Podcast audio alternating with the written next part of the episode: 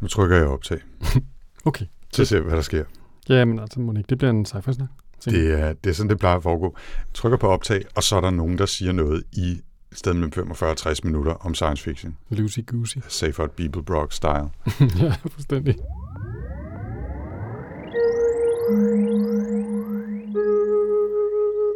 Velkommen til Sci-Fi Snak. Med science fiction. Og med snak. Med Jens Jarl Poder. Og Anders Høgh Nissen. Velkommen til. You're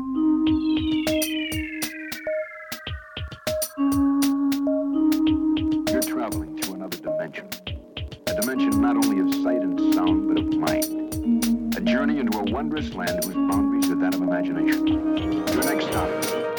Sci-Fi Snak. Men lad os sige velkommen til uh, Sci-Fi Snak episode 85. Yes, velkommen til. Det er den, der handler om rejsen til månen, eller Jens, hvis du vil sige uh, den franske titel. Øh, Delatare a la Lune Trajet direkt i en 97 højres 20 minuttes. Det var sådan, min bedstemor ville have sagt det. Ja, det er noget af den stil i hvert fald. Ja, har du læst den på, nu er jeg allerede i gang med at afspore samtalen, har du læst den på fransk, dansk eller engelsk? Jeg har læst den på engelsk og lyttet den på lydbog, hvor den var gratis på Audible. Altså, udover det emotionelle omkostning, det havde at lytte til den her øh, optagelse, der tydeligvis var fra en gang i 50'erne, som var sådan en stemme sådan And President Barbican, frygteligt, frygteligt. Okay. Men heldigvis kun 6 timer eller sådan noget, så det var til at leve med. Ja, den er, den er ikke så lang. Jeg har lige to øh, bemærkninger, mm. før vi kaster os ud i det.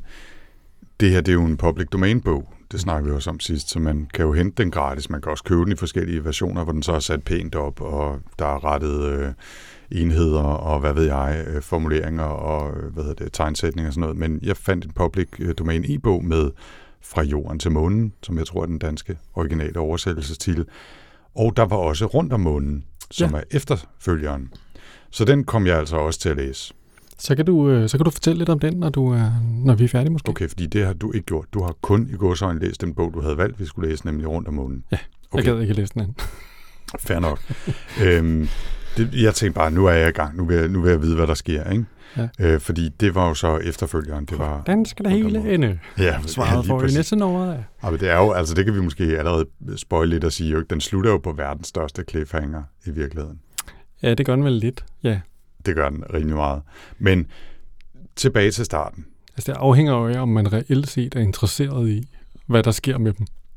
Det var så en lille spoiler på din øh, vurdering af bogen, kan jeg, kan jeg næsten gætte. Hmm? Men det er jo en bog af Jules Verne, Ja. og jeg vil gerne allerede nu undskylde, at hjemme i min familie, der har han altid heddet Jules Verne, altså med S på. Jeg ved ikke, hvor det kom fra, men det kom det, så det var, bare, det var sådan, vi sagde hans navn, når vi læste alle de der Gyldendals udødelige klassikere med Jules Verne bøgerne. Så hvis jeg kommer til at sige Jules Verne i stedet for Jules Verne i løbet af den her snak, så bare lad som ingenting, øh, eventuelt give mig et lille mærke i den sorte bog, eller hvad du vil derude. Ikke? Er det okay? Det- Jeg er fuldstændig ligeglad. Okay, det er godt. Men altså, Jules Verne, 1865, Rejsen til månen. Jens, det var dig, der valgte den, øh, før vi går i gang med siden sidst. Hvorfor skulle vi læse den her bog? Det var fordi, at øh, jeg tænkte, at nu, øh, nu måtte vi ligesom brydes med nogle af de her gamle ting. Altså, jeg lider jo lidt under, at jeg har læst litteraturvidenskab. Og der er der det gør sådan- vi ikke alle det. ja. Og der er jo en del, hvor man skal læse nogle gamle bøger, der bare er røvdårlige, men som alle går lader som om er pissegode. Så derfor, så når noget har sådan lidt alder, så kan jeg godt lide en lille smule... Øh, så kommer paraden lidt op.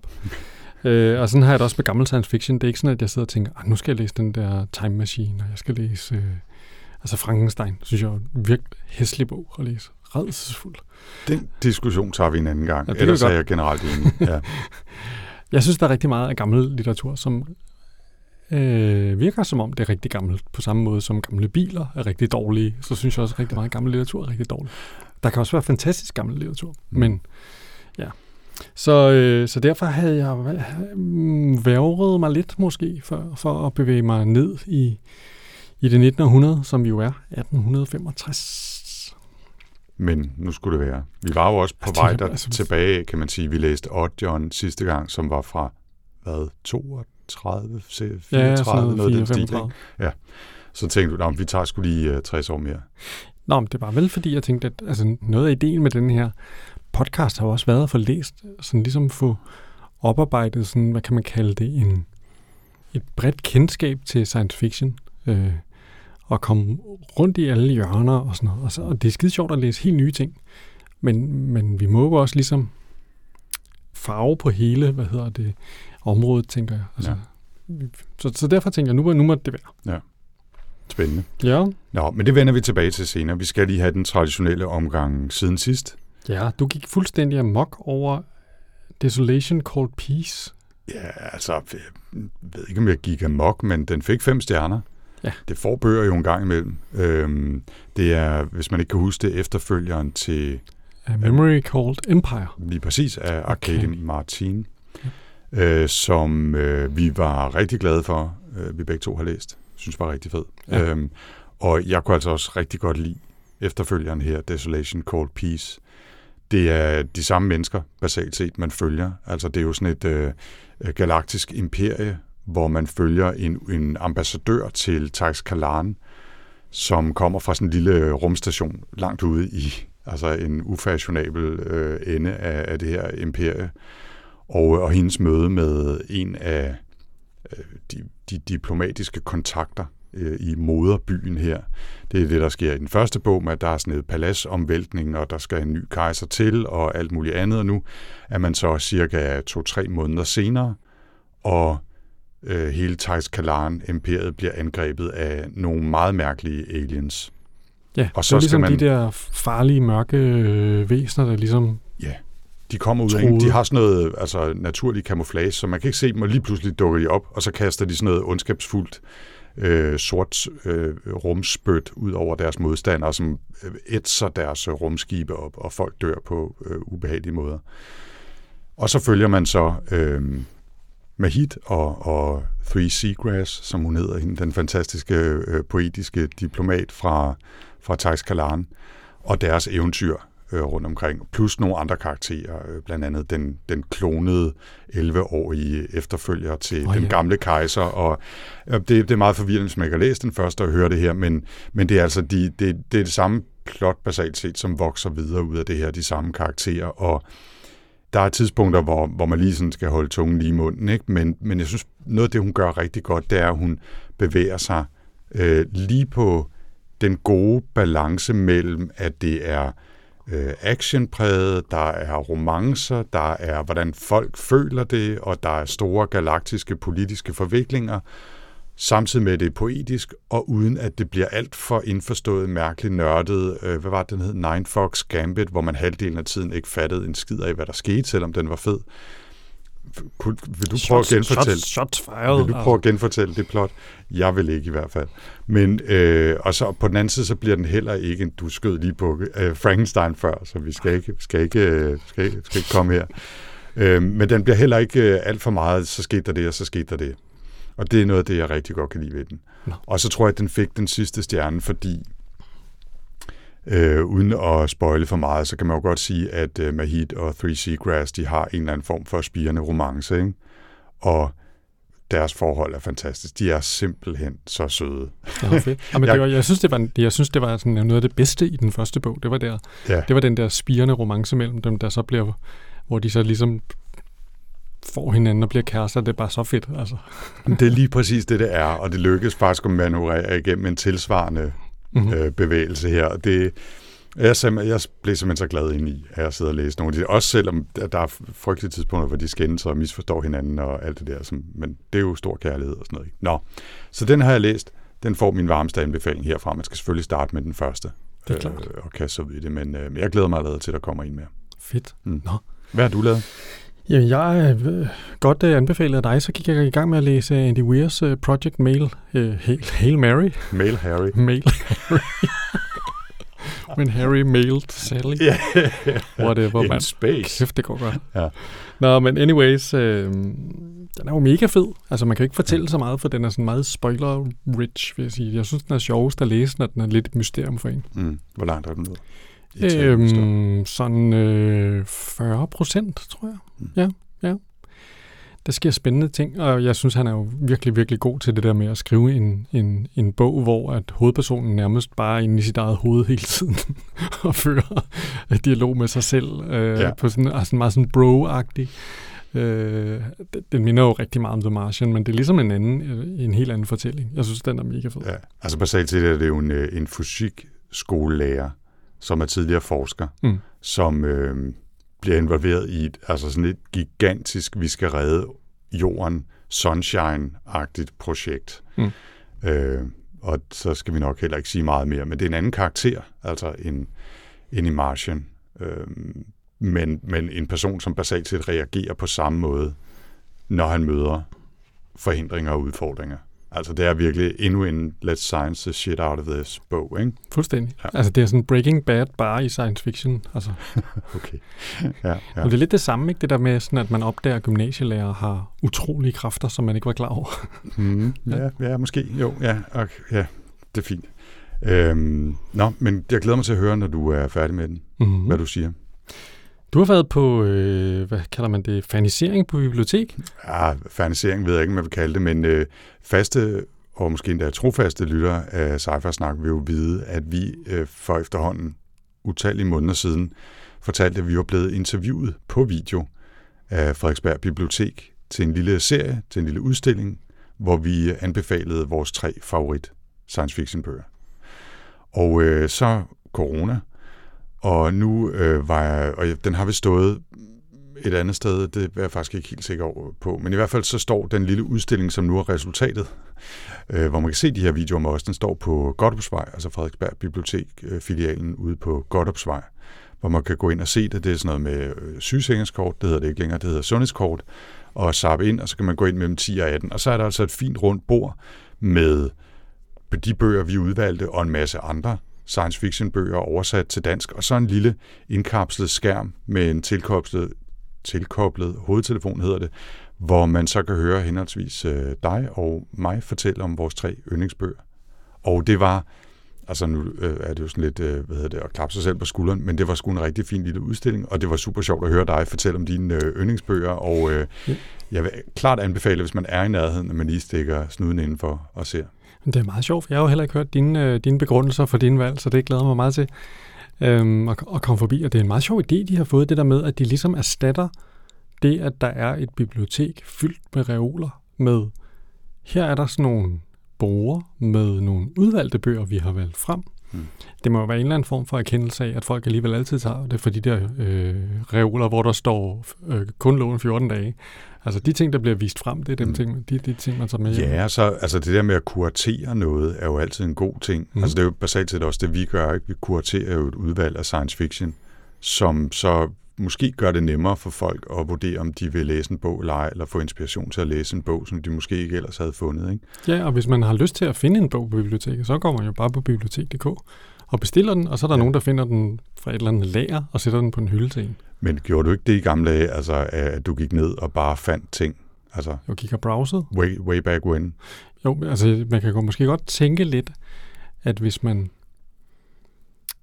hvis man nu var en meget mærkelig teenager, som opførte sig, som vi gjorde, da vi var unge i 80'erne. Ja.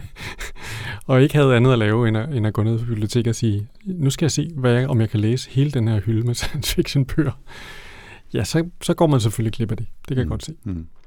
Men det, jeg, det var jo noget, altså jeg kan stadig godt lide at komme på biblioteker.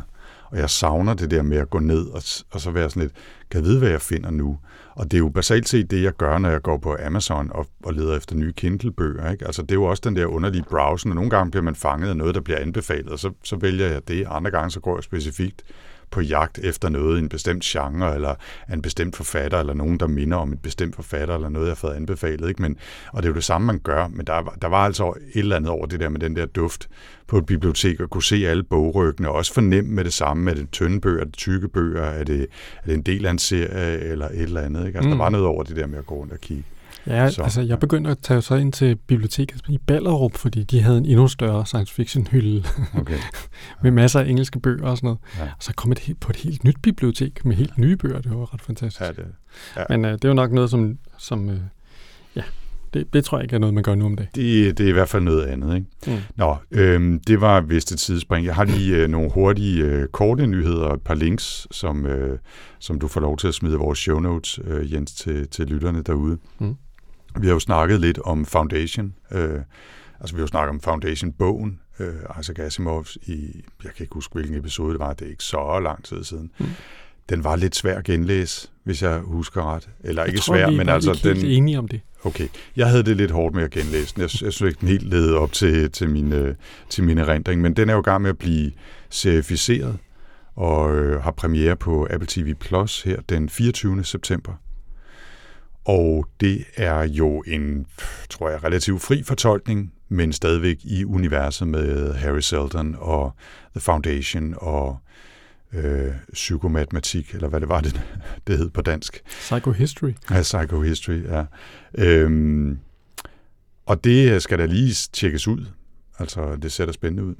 Og så faldt jeg over, at der er kommet en prequel til Sea of Rust, Nå, fedt. Robert C. Cargill, som ja, vi læste den i Sci-Fi Snak, ikke? Jo, jo, jo. Sea of jo. Rust er sådan en underlig øh, post-apokalyptisk øh, robot-AI-verden, ikke? jo, hvor der ikke er nogen mennesker mere, men det, der er sådan nogle øh, robotter, der er ved at falde fra hinanden. Ja.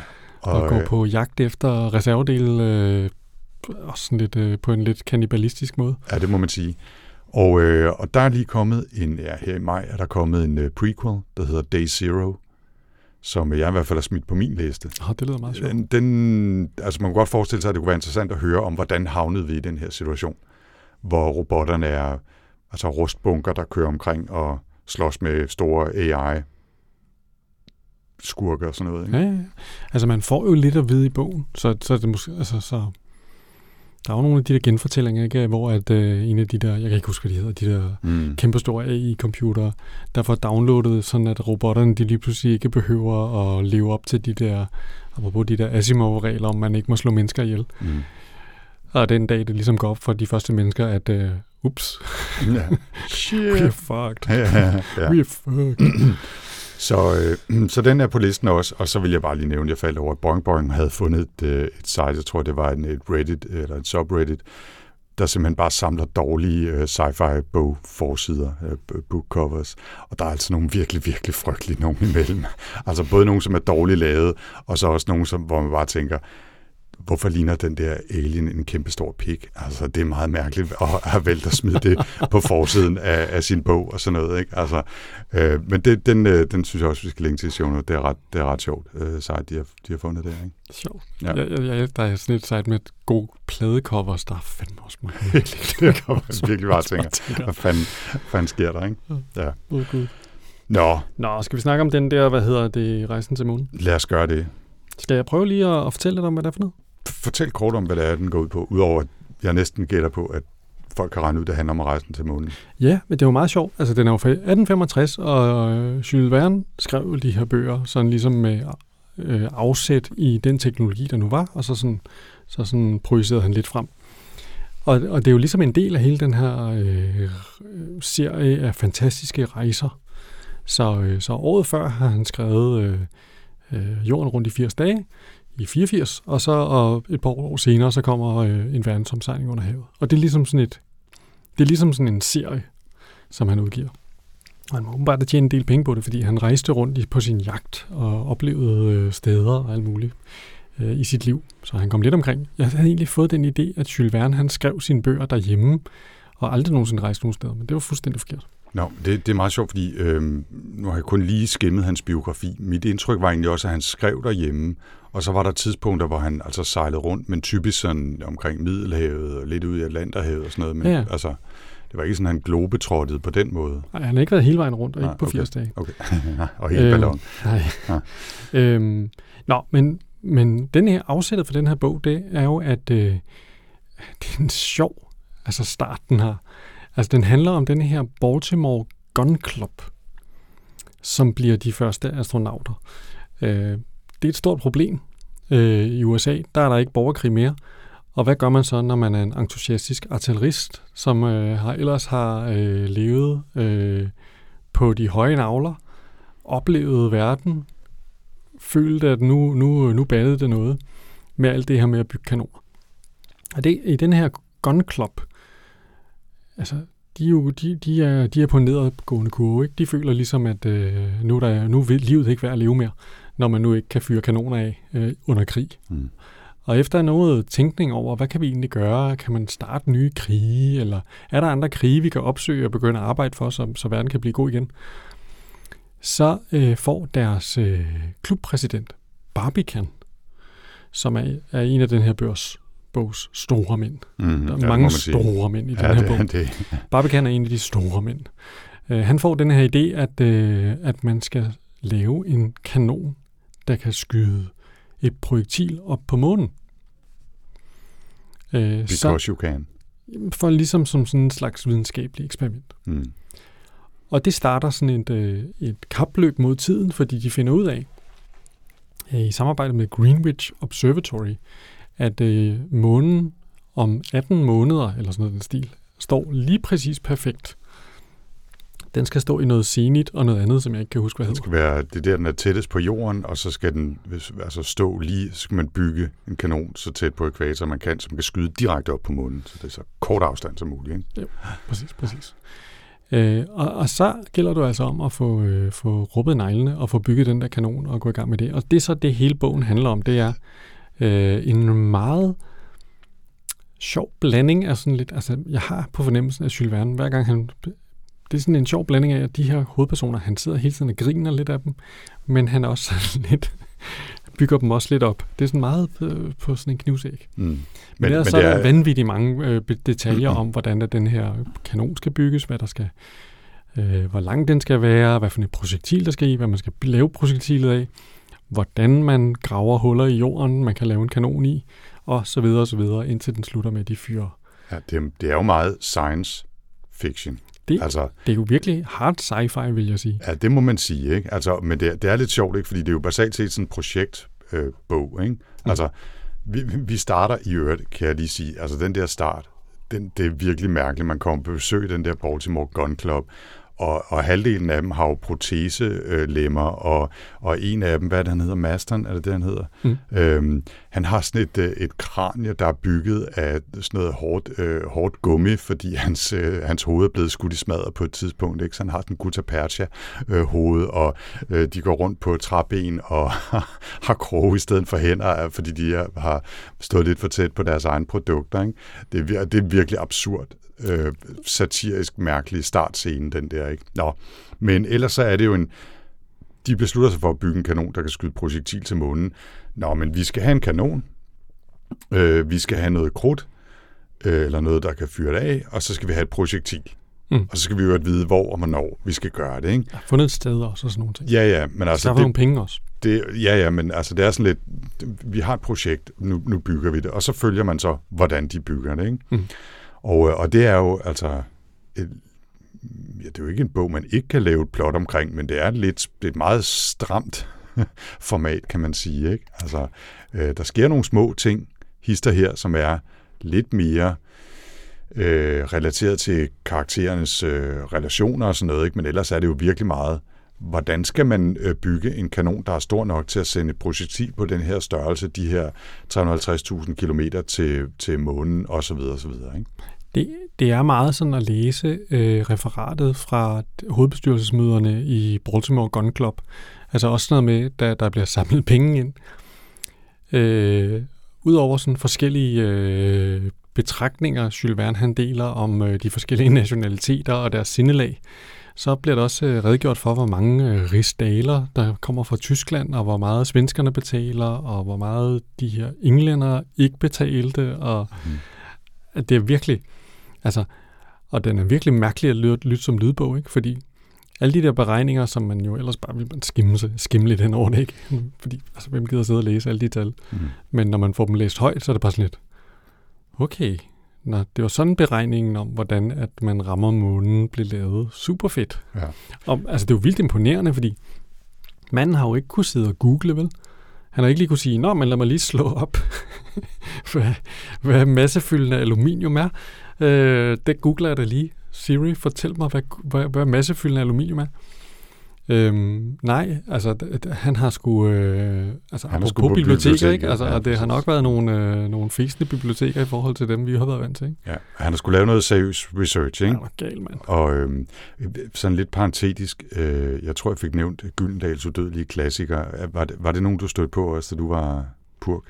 Jeg kan ikke rigtig huske, muligvis. Det var, altså det var jo sådan nogle øh, let behandlede udgaver af netop rejsen til månen, jorden rundt på 80 dage, øh, Ivanhoe og sådan noget. Ikke? Men altså behandlet så, så øh, især drenge gætter jeg på, det har været i alderen 8-11 år, kunne læse dem og synes, de var sjove. Ikke? Og jeg ved, jeg har læst den her. Jeg ved, jeg har læst øh, jorden rundt på 80 dage, og, og hvad hed den nu? Øh, med Nautilus, når jeg glemmer, hvad den hed. En verdensomsejling En verdensomsejling under havet. Tak skal du have. Øh, Jeg ved, jeg har læst dem, og da jeg så læste den her, så tænkte jeg, det der, det har jeg helt- garanteret aldrig læst, alle de der beregninger. Altså, jeg har læst en kort udgave, Mm. som basalt set handler om at bygge en stor kanon og deres eventyr på vej derop. Ikke? Og det samme med, det var især øh, Robinson Crusoe, da jeg, da jeg læ- læste den oprindelige, altså engelske, jeg, hvad, fanden? Jeg troede, jeg havde læst Robinson Crusoe. Det har jeg overhovedet ikke. Jeg har læst en tredjedel af De Robinson to Crusoe tommer har jeg da ikke læst. som, som basalt set handler om, øh, om at han altså, samler ting op fra skibet og bygger sit fort og møder fredag. Ikke? Mm. Altså, øh, hvor alt det andet, som er i den bog, overhovedet ikke var med. Nå, øh, det var egentlig bare et tidsspring, fordi netop alle de der beregninger var også øh, helt nyt for mig, og som du siger, super imponerende, og jeg faldt lige over et site med en, som en dansk fysiklærer fra et gymnasium, tror jeg, som har gennemgået nogle af de der beregninger Mm. i, i kapitlerne for, jamen, hvor meget kan, skal, krudt skal man bruge for at skyde et projektil op til månen, og passer det med afstanden og alt det der. Ikke? Og sådan, mange beregningerne holder faktisk. Og så er der noget, han har fundet totalt på, eller sagt, nå, men så kan man bare lave ilt, eller altså, man vil også blive lavet til mos, på trods af deres, øh, eller hans, hans snedige måde at lave sådan en, øh, vandfjeder. øh, vandfjeder, ikke? Øh, og nogle, nogle dæk, der ligesom knækker, når de bliver skudt af, skudt af. Så er jeg ikke sikker på, at den vil holde i virkelighed, hvis man bliver fyret op af en 300 meter lang kanon. Vel? Nok ikke. Men, men, altså, Altså, men ellers er der meget af det, der holder, og det synes jeg egentlig er, som du siger, det er imponerende, at, at det har kunne lade sig gøre for ham at finde den viden, og at så også han har fået, fået det med i bogen. Ikke? Så kan man så diskutere, om det gør den sjovere eller mindre sjovere at læse, ikke? men altså, jeg synes dog, det var imponerende. Nå, men også fordi, at jeg tror, jeg sad lidt og læste, øh, og altså, jeg, som sagt, jeg kender ikke rigtig forfatterskabet så godt, så, øh, så jeg har sådan øh, nogle idéer om netop sådan noget med rejsen til jordens indre, og sådan noget med, at man kommer ind i centrum af jorden og finder dinosaurer og alt muligt underligt. Mm. Så jeg havde sådan en idé om, at han var sådan lidt en klaphat i forhold til sådan, at, altså, det var sådan lidt frit fabulerende øh, ting. ikke? Men altså, det her, der, altså, han ved altså noget om noget. Altså, han har altså sat sig grundigt ind i øh, astronomi og alle mulige ting omkring det på et niveau, som, altså, altså han, er, han, han har tydeligvis sat sig meget, meget grundigt ind i alle de her ting, og så med alle mulige filosofiske aspekter ved det. Og det var jeg faktisk øh, det var jeg sådan lidt imponeret over. Og jeg gik egentlig og troede lidt, at hvis man var en, øh, en øh, hvad hedder det, advokatuddannet øh, par, fransk øh, science fiction forfatter fra midten af det 19. århundrede, altså, så, havde, så tror jeg da ikke, der, det var sådan ligesom bare, at man vidste noget som helst om sådan noget. Mm. Jeg tror da bare, man sad og, øh, på sit øh, studerekammer og fandt på ting. Og det har han altså ikke, hvad hedder det, øh, altså, virkelig, han er virkelig gået til den. Ja, det må man sige, ikke? Øh, det ved jeg ikke super meget om hans, øh, om hans liv, men altså, sådan som jeg forstod det, så blev han jurist, fordi hans far var det, og det lå ligesom i kortene, at så skulle han da også være det, men Mm. mm. at det var hans drøm altid at, at skrive, ikke? Og lige så snart han kunne leve af det, så, så gjorde han det, ikke? Øhm, men det, det er, nu snakker vi om uh, Andy Weir før, og, og The Martian og Project Hail Mary, ikke? Altså, og han er jo om, altså på mange måder en moderne aftager til, øh, til sådan noget Jules Verne, øh, Rejsen til månen. Altså, det er jo også basalt set en bog om problemer, og hvordan man løser dem Ja, ja, med videnskab. Ikke? Altså, Det er Det- også sit form. Det er det- sådan, øh, man, man går igennem fra kapitel til kapitel, og så har man været igennem hele fysik-pensums øh, formelsamling. ja, og, Altså- altså. og, og, og en anden parallel er jo, at øh, hvis jeg ikke husker meget galt, så skrev Andy Weir jo The Martian som følgetong, Mm. øh, før han ligesom øh, fik den samlet sammen til en bog og, og fik den udgivet. Og det var jo også sådan, at Jules Vernes bøger blev udgivet. De blev udgivet som følgetong i et eller andet magasin, som jeg lige nu ikke kan huske, hvad hed, men sådan et, altså sådan et rejse- og underholdningsmagasin, ikke? Øhm, og så bliver de så udgivet som, som bøger bagefter. Og det kan man jo også se på kapitlerne. Altså, de har sådan cirka den samme længde. De, hvad hedder det, handler om en eller anden konkret problemstilling eller en bestemt fase i, i projektet, og så afslutter de som regel med sådan en, en lille sådan en, oh, man skal også lige vide, hvad der sker næste gang. Ikke? Mm. Altså det er meget, meget formularisk, og det er klart, hvis de er kommet med et kapitel en gang om ugen i et eller andet magasin, så har det jo været den måde, man har skrevet det på. Ikke? Mm. Øh, og det, det er meget sjovt. Der er nogle spøjse tidspunkter i, i denne her bog, som, som øh, jeg måske især festede mig ved som føltes lidt mærkelige. En af dem er, at øh, altså mere mærkelig end, end Nogle de andre. steder, synes du? Nej, nej, men der var nogen, der, der, var nogen, der skilte sig ud. Den, ikke den, den, første scene, som vi lige snakker om, det var, det var en af dem, altså hvor man kommer på besøg i den der Gun Club, hvor de alle sammen har, har kunstige lemmer og er, sidder og diskuterer. Som, det er jo sådan et underligt uh, militær-industrielt kompleks på jagt efter nye oplevelser. Ikke? Og jeg kom, jeg kom lige til at tænke på... Øh, Branson og Jeff Bezos og, og Elon Musk som sådan nogle moderne udgaver af det. Ikke? Altså, de, de er blevet lidt trætte af, at nu har de skulle tjene en eller helvedes masse milliarder på deres forretninger. Nu vil de også noget med rummet. Altså, hvad, og det er som om, at de har siddet i en gun club et eller andet sted, eller en space club, og besluttet sig for, at nu er space the new frontier, så nu er det det, vi vil bruge vores tid på. Det. Nå, men det var egentlig ikke det, jeg vil sige. Det, det eksempel, jeg vil fremhæve, det var, at på et tidspunkt, der sker der jo det, at der dukker en franskmand op, som hedder Michel øh, Ardan, Ardan som, øh, som siger til Barbican, at han vil være passager på det her projektil, øh, som ellers bare havde, havde skulle skydes afsted. Men han vil være, han vil til månen. Og, øh, og så øh, siger Barbican, han synes, at han er dog en geogud, ham der, Michel Ardan, så han siger, fuck it, vi bygger det sgu til et rigtigt projektil og indretter det, så vi kan tage afsted. Og så øh, dukker, dukker øh, Barbicans nemesis øh, op, øh, øh, kaptajn Nickel, Nickel. Er det, ja. han hedder, øhm, som, som jo overhovedet ikke tror på det her, og laver vedmål om, at hele det her projekt det er, det er dødfødt, og øh, de væder nogle tusind, hvad det nu er, dollars per forskellige faser. Det kan ikke lade sig gøre at bygge en kanon, det kan ikke lade sig gøre at bygge projektilet, det kan ikke lade sig gøre det ene og det andet. Altså, jeg synes, en af de ting, der er meget sjovt i det kapitel, det der, hvor at, øh, Captain Nickel, han siger, jamen, altså, der vil ske det, der, jeg ved på, at det, der vil ske, det er, at øh, det, det her store projektil, det vil komme ud i rummet, og så vil det øh, styrte tilbage i atmosfæren, og så vil det udrydde alt liv på jorden. Så man tænke, Nå jamen, det kunne da sagtens Det kunne man da godt se for sig. Det, det, er, jo, det er jo også et plot i mange historier, så det ja, kunne da godt ja, være. Ja, ja. Altså igen, hvor vidste, vidste han fra, at sådan nogle ting kunne ske? Han, altså? har, han har bare siddet og tænkt, du, på sit, øh, sit franske øh, skrivekammer. Mm-hmm. Nå, men, øh, men, men så øh, hvad hedder det, ja, af omveje, så kommer det dertil, hvor Barbican og Nickel, som jo er dødsfjender på det her tidspunkt, de repræsenterer virkelig, øh, Nickel han har øh, skabt sig en forretning af at bygge panser, øh, panser mod øh, Barbicans kanoner. Mm. Så de er jo på mange måder, øh, i hvert fald forretningsmæssige fjender, afskyr også hinanden. Og det kommer dertil, at de udfordrer hinanden til en duel, fordi de har fornærmet hinanden blodigt under et eller andet stort arrangement, øh, der hvor den der store øh, kanon, som vi øvrigt ikke har nævnt, hedder The Columbiad, ja, det er meget øh, hvor den bliver bygget. Og så, øh, og så Michel Ardan og en af de andre fra Gun Clubben, de styrter ud i skoven, hvor, øh, hvor Barbican og Nickel har aftalt at mødes, fordi de, de, de vil ikke have, at de skyder hinanden. Vi, vi skal jo bruge dem, og, og så videre. Ikke? Og så øh, Øh, løber de rundt og leder efter dem, og så efter mange timer, så opdager de, at de aldrig rigtig været i nærheden af hinanden. De er begge to blevet så distraheret af, nø- af Barbican, han står og skriver beregninger i en bog, og, og Nickel, han render omkring og kigger på sommerfugle, tror jeg. Og de har aldrig rigtig mødt hinanden det sted, hvor de skulle øh, på, øh, øh mødes i duel. Og, og så ender det med, at, de, at øh, Ardan og Barbican og Nickel beslutter sig for, at det er de tre, der skal tage afsted sammen i den her kapsel, der skal skydes ud af Columbia-kanonen. Og hele den der scene med, at de løber rundt ude i skoven og finder dem, at de ikke rigtig... Bare, hvad, hvad fanden sker der her? Altså, det var virkelig, virkelig mærkeligt i en bog, der ellers er så bum, bum, bum, bum, bum derudad øh, projekt. Men han, ja, jeg ved ikke, hvad der sker. Captain Nickel er jo sådan et forsøg på ligesom at hæfte en eller anden form for konflikt på bogen. Altså, mm.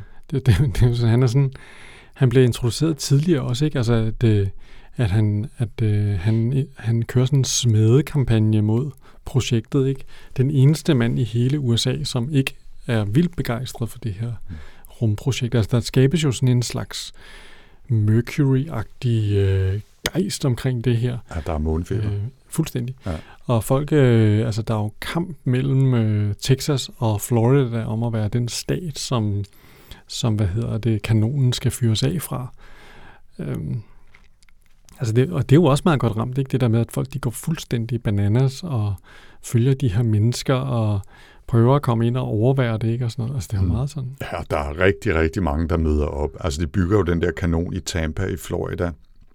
Altså sådan et 300 meter dybt hul i jorden, som de forer, og så øh, smider krudt ned i bunden, eller sådan noget skydebomuld, ikke? Mm.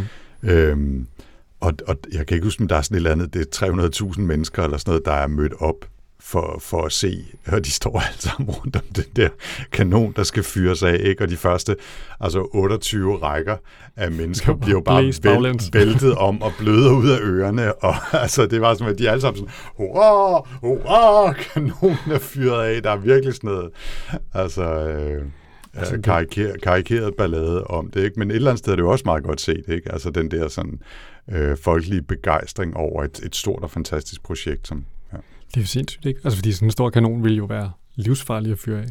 det siger du ikke. Og men altså, jeg kan huske, at jeg så på et tidspunkt sådan noget, det er nu vi lige på en tangent, ikke? Mm, det er okay. så på et tidspunkt sådan en uh, tysk, øh, en uh, dokumentar om sådan tyske kanoner fra Første Verdenskrig. Sådan noget. Er det tykke bærta og sådan noget? Er det, Jeg ved ikke, om de havde de der navne.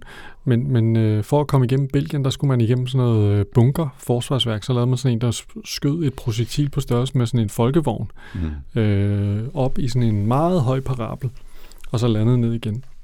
Og når de skulle fyre den af, så skulle de stå 200 meter væk, og, hvad hedder det, have vedet sådan noget vat, øh, som de kom på øjnene og hen over ørerne, fordi ellers så ville altså, det hele blive blæst ind, og så skulle den ligesom elektronisk affyres.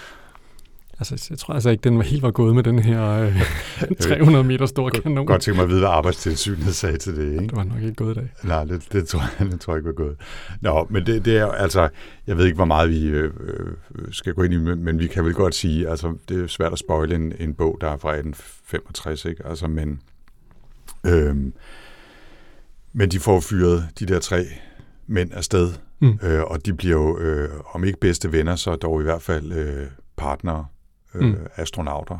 Øh, og, og det her rumskib, eller den her, det her projektil, er jo fantastisk indrettet med, med divaner, de kan ligge på, ikke? og der er, der er mad, og de har forrådskammer, de har taget to hunde med, og der er et snedigt system, der kan sørge for, at de får luft, og, og, og Michel Adam, han er jo franskmand, så det er jo ham, der skal være kokken, og han har jo forsyninger med til altså sådan nogle særlige øh, tørrede grøntsager, som smager meget bedre end, end friske grøntsager, og kød til morgen, middag og aften, og vinflasker, og en lille brandy, der er en lille, siger jeg, de har sådan et fad med, ikke? Og, og det, Det det, er simpelthen totalt herreklub øh, inde i et projektil, der bliver skudt afsted af en 300 meter lang kanon. Ikke? Det er helt fantastisk. Ja, jeg forestiller mig også, at de vil selvfølgelig fortsætte med at sidde og ryge cigarer. Naturligvis. Øh, den. Altså, det, ja, det, er jo, ja, ja. det, det er jo givet. Jamen, det, det er klart, ikke? Og, og så, Så, jeg tænkte over, ja. var der overhovedet nogen forklaring af, hvordan de skulle komme på toilettet ombord på det der?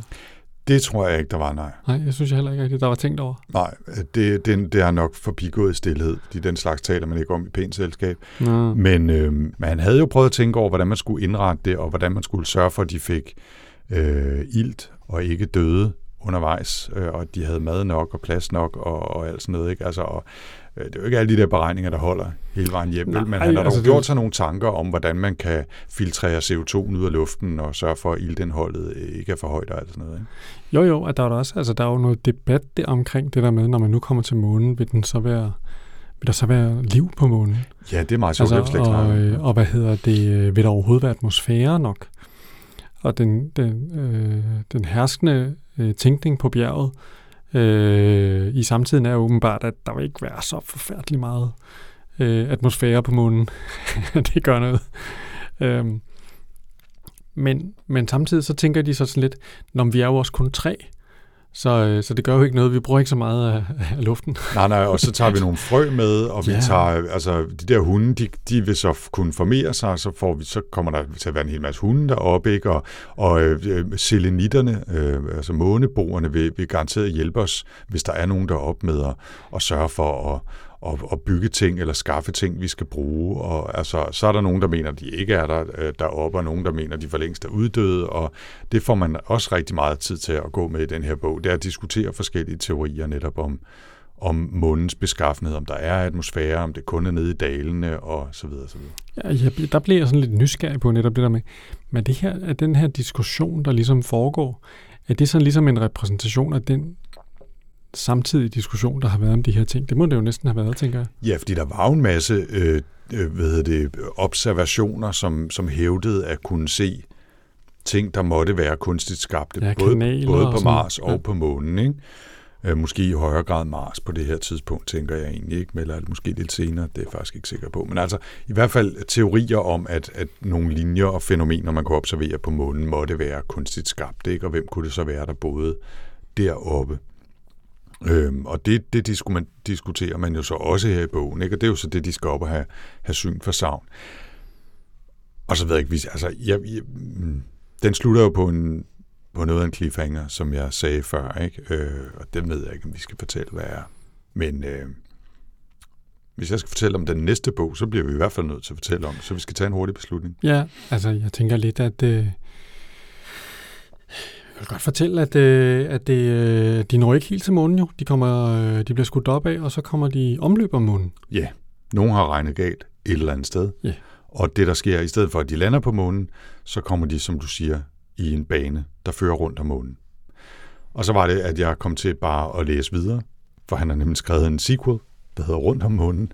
Og der følger man så deres tur der, og hvordan de takler det faktum, at de lige pludselig ikke er på månen, men flyver meget tæt hen over den. De kan lave nogle fantastiske observationer, og så ryger de tilbage, og man bruger meget tid på, de takler noget, men de kommer til at, at, at tænke på, har vi mad nok, og hvordan ser det ud, og hvad skal vi gøre, og hunden er død, og jeg kan ikke, altså, jeg kan ikke lige huske de to bøger fra hinanden, men, men der sker mange ting, og der er også, Hunden er død, nu er den begyndt at lugte. Ja, ja, også de må, må smide den ud af, af et kohøje og Nå. sådan noget. Ikke? Øhm, og, og så er der, øh, de, der bliver lavet mange beregninger, som basalt set handler om, kommer vi til at havne i en uendelig bane rundt om månen, og måske falder vi en gang ned, eller kommer vi ud og ligge i sådan en, en slags øh, øh, hvad det, ligevægtspunkt mellem jorden og månen, og bare hænger der til evig tid, hvor balancen mellem øh, månens tyngdekraft og jordens tyngdekraft område. lige præcis øh, ud, øh, hvad hedder det, udjævner hinanden, eller vil der måske ske det, at vi ryger tilbage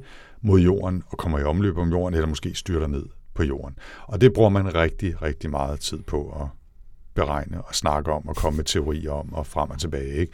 Jeg vil sige, jeg var rimelig underholdt af den første, med alle de øh, udfordringer, der har været i. Men, men toeren, der, der, der synes jeg, der begyndte den at blive lidt træ i spyttet. Altså, der savnede man lidt, lidt mere eventyr, ikke? Mm. Øhm, og, og den vil jeg så ikke spoil. Men øh, der, der må man altså læse, hvis man vil have at vide, hvordan det slutter. Men, men øh, den første her, altså op til månen, fra jorden til månen, der ender vi altså med, at de tre sidder i et øh, projektil, som er havnet i en, i en forkert bane, mens øh, masteren han står og kigger i en stor, øh, et stort teleskop nede på jorden og, og siger til den lyttende verdens befolkning, at åh oh, nej, det er gået galt. De er, er ikke landet på månen. De er havnet i en bane rundt om. Ja. Det, det er jo meget sjovt, altså man tænker, hvad er, altså, altså er der en eller anden moralsk pointe, han har med det? Altså, det bliver ikke sådan, det bliver ikke sådan udpenslet eller noget. Altså mit bud er, uden at vide det, at jeg bare, han bare har tænkt, hmm, det går sgu egentlig meget godt det her, men nu er vi nået en boglængde, så nu stopper jeg på en cliffhanger, så får jeg sgu nok lov til at skrive en bog mere. Det skulle godt være. Altså, jeg, tror, det, jeg tror, vi er der, Mm. hvor der ikke er nogen store sådan, øh, hensigter med det andet end, end det. Okay, Ja, ja, ja. Det vil være mit bud. Jens, Ja. i alle boder, det var dig, der valgte øh, den her bog. Mm. Hvor mange øh, måneder er du endt med at give den? Jeg har givet den to måneder, Okay, og øh, Det var jeg mange. startede med at give den en. okay. Oh, mand. Ej, jeg synes virkelig, altså jeg synes, det var vildt sjov i starten. Virkelig sjov. Altså jeg synes, det var virkelig morsomt med den der Gun Club, og jeg tænkte, hold kæft, han er jo skideskæg, ham her, Jules Verne. Mm. Jeg troede, det var sådan noget, jeg skulle læse noget rigtig kedeligt noget. Men det, ble, det blev så rigtig kedeligt, synes jeg. Okay.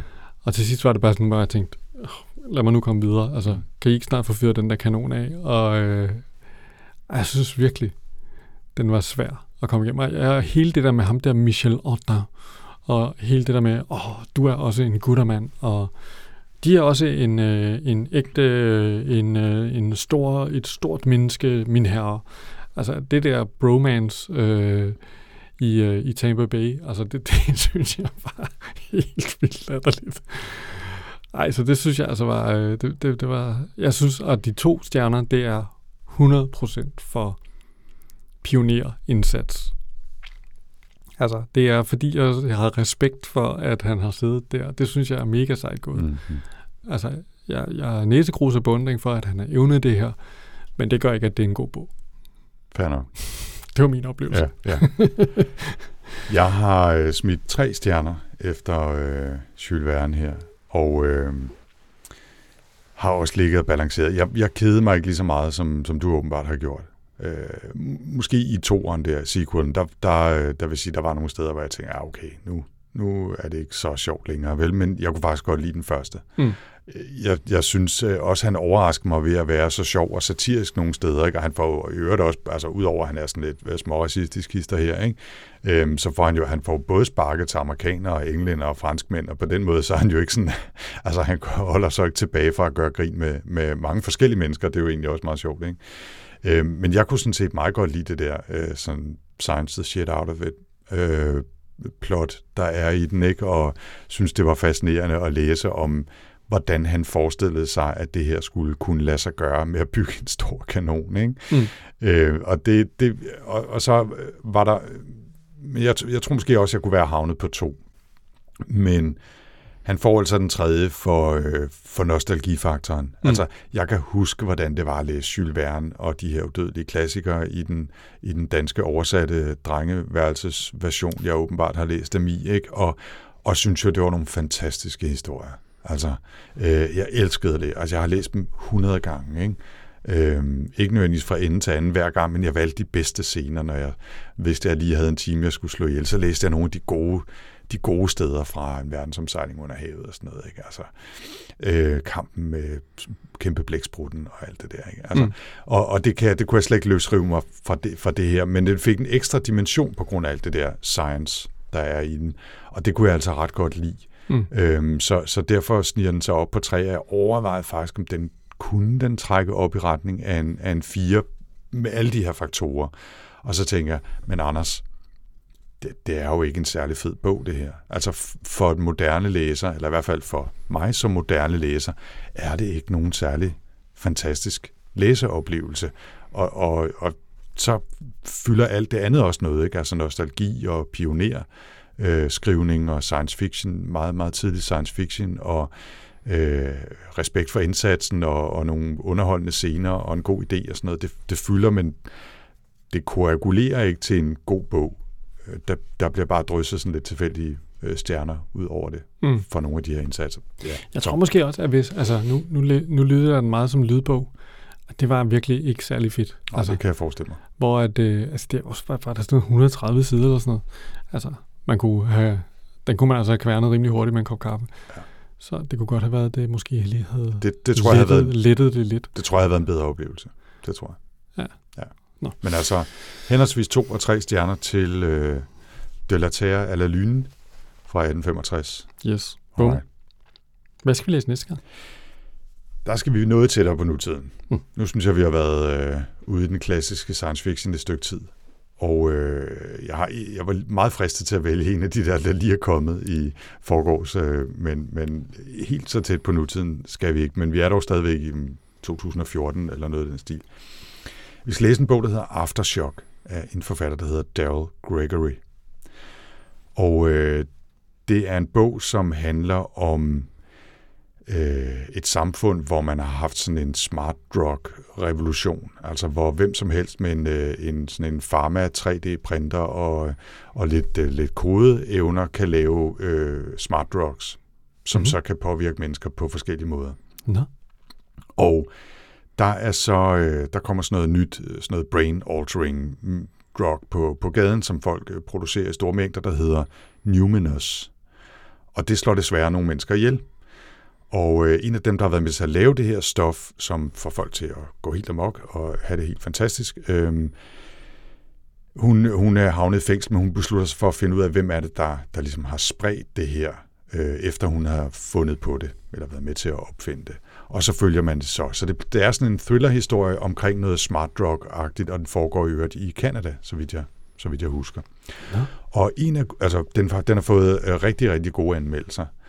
Og samtidig så er den skrevet af altså Daryl Gregory, som jeg har læst en anden bog af, som jeg var super glad for. Og så tænker jeg, ah, nu tager vi altså chancen med den her. Jeg har tidligere læst en bog, der hedder Spoonbenders.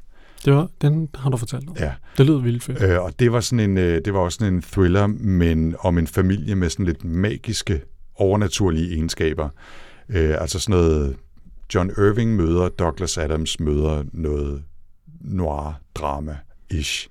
Og jeg tænker, hvis han har bare noget af den samme fantasifuldhed i den her, og det tyder anmeldelserne på, så, så bliver det en sjov oplevelse. Nå, fedt. Så Daryl Gregory Aftershock om The Smart Drug Revolution i Okay. Toronto, Canada.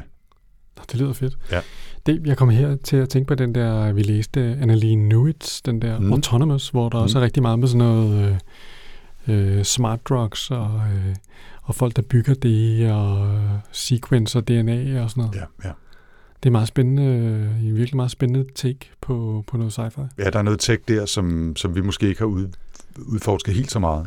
Men uh, som også er, er spændende. Så ja, det, jeg skal vi læse til næste gang. Super fedt, og indtil næste gang, så er man jo altid velkommen til at kigge forbi øh, sci-fi-snak.dk, hvor man kan finde alle vores gamle afsnit, ligesom jeg lige gjorde, og slå Annalie Newitz Autonomous op. Øh, ja, og ellers så kig forbi goodreads.com, hvor der er en gruppe for folk, der lytter sci-fi-snak. Ja. Og hvad kan man der? Jamen, der kan man jo komme med forslag til bøger, eller man kan skrive lister over bøger, man har læst og synes var, hvad er det udtrykket, øh, vi bruger derinde? Øh, guilty pleasures. Nå ja, ting, som man synes var fede, men som hvis man står op på det litterære panas, måske ikke synes skulle være fede, men var det alligevel. Eller man kan komme med forslag til den evindelige diskussion om dansk science fiction, som nogen derude stadigvæk ikke mener, vi gør nok ud af. Eller man kan fortælle os, at vi har taget fuldstændig fejl af rejsen til månen, hvis det er det, man har lyst til. Der foregår en hel masse diskussioner. Det er bare at give den los derinde, og vi følger også med og kigger selvfølgelig på de gode forslag, der kommer fra jer, altså i sci gruppen på Goodreads. Ja, og så er det jo ellers ved at være sådan en sommer, øh, sommerferie snart, så det, øh, det går nok lige, måske passer det måske egentlig meget godt med, det kommer til at passe med den næste. Ja, vi får se. Men-. Altså 5-6 ugers tid eller sådan noget går der nok inden den næste. Ikke? Ja, må ikke. Ja. Men øh, nu startede vi jo også den her lidt tidligere, og øh, folk må i hvert fald have en rigtig dejlig sommer med Ja. en hel masse science fiction bøger. Kan I have det godt derude og husk, at sommertid er sci-fi tid. Præcis. Ha' det godt. Ses. Hej.